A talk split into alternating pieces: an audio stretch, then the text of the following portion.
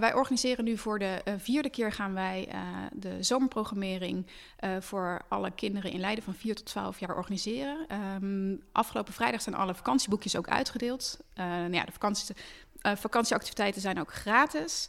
Um, en daarin werken wij samen met heel veel partners, zoals Inclusio en um, ook naar buiten. IVN, met Science komt langs. Uh, en ze komen ook echt in de wijken komen ze uh, activiteiten doen. Dus dat wordt weer een hele spetterende, vrolijke zomer. En um, de SPG-app is dit jaar nieuw. Dat is een app van uh, Sportief Besteed. En daarin staan alle activiteiten. Dus die app die kan gedownload worden en daarin kan je ook inschrijven. Um, dus dat is super mooi. Daarin kan je zien van je kan op datum selecteren, je kan op leeftijd selecteren.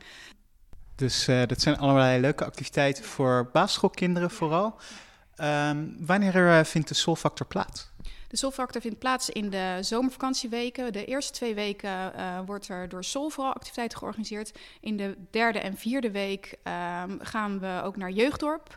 Dus we werken ook samen met Jeugddorp.